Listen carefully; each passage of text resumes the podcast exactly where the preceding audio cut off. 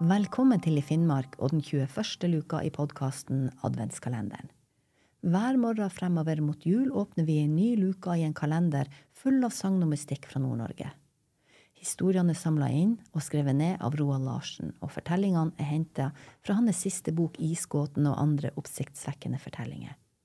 Og jeg, Helle Østvik, leser direkte fra boka.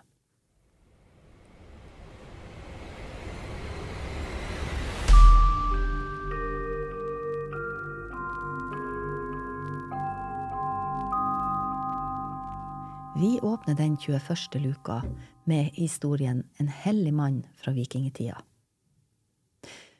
Denne historien er formulert av en synsk person fra Bodø. Den klarsynte forteller om hvordan han ble tilkalt av en bedrift og bedt om å hjelpe dem fordi de var kommet i en vanskelig situasjon.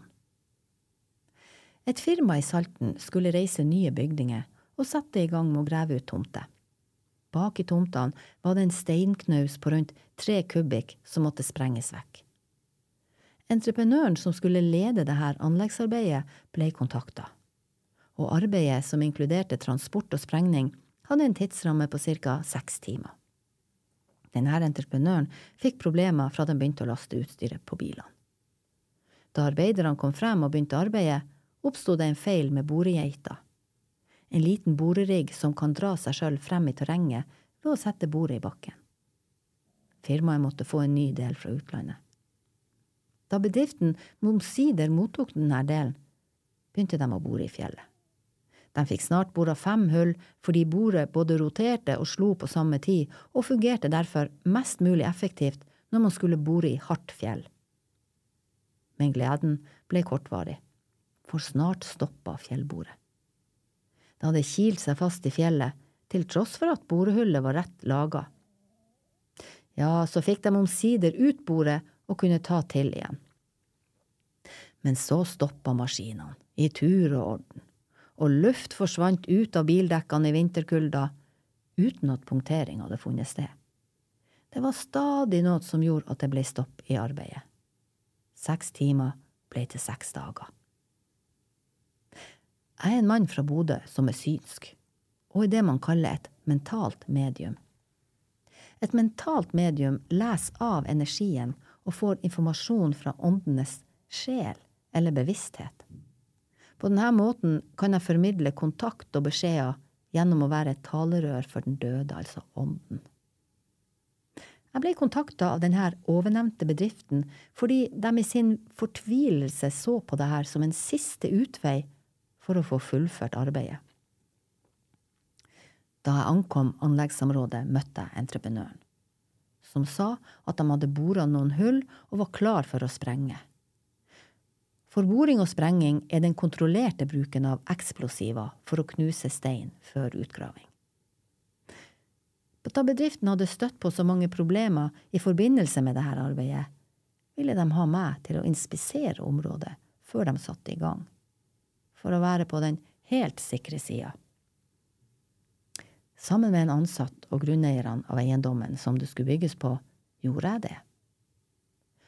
På vår vandring tok jeg inn en hellig mann fra vikingtida. Denne vikingen var skikkelig forbanna, for han mente at entreprenøren hadde krenka ærverdig grunn da vedkommende satte i gang med dette utgravningsarbeidet. Da jeg nevnte det her for dem som vandra der sammen med meg, fortalte en av grunneierne at det var spor av vikingtufter, altså rester etter eldre bosetning, et stykke bortenfor tomta som var under utgravning. Jeg kobla meg på denne vikingen og fortalte han at han var død, men at jeg kunne sende han over til himmel. Himmel, hva er det, sa han. Det ble etter hvert tydelig for meg at denne vikingen ikke visste hva verken himmel eller helvete var. Jeg ble rådvill, for hvordan skulle jeg få bort denne karen, sånn at arbeidet kunne fortsette? Været den dagen var ganske bra. Et tynt, vekslende skydekke ga varierende solskinn. Jeg fikk plutselig en fiks idé om hva jeg skulle gjøre. Jeg henvendte meg til vikingen og sa at jeg var sterkere enn han, noe han bare blåste av. Jeg kan knuse fjell med et brak, og det klarer ikke du, sa jeg. Ja, klarer du det, er du sterkere enn meg, sa vikingen. Et øyeblikk, sa jeg, jeg skal bare kalle på rett gud. Fløyta for sprengning lød, og jeg sa til karen fra vikingtida at nå smeller det. Det smalt fra nesten skyfri himmel, og deler av fjellet ble sprengt i småbiter. Vikingen så på fjellet, så på meg, og tilbake på fjellet, og så sa han, Du er sterkere enn meg. Ja, sa jeg, og jeg kan føre deg over til Valhall. Noe han godtok. Jeg så for meg en veldig stor trebygning med store porter, og jeg reiste sammen med han til en av dem. Porten åpna seg, han gikk inn i bygningen og ble borte. Straks senka det seg en fantastisk god ro over anleggsområdet, og resten av arbeidet tok i underkant av tre timer.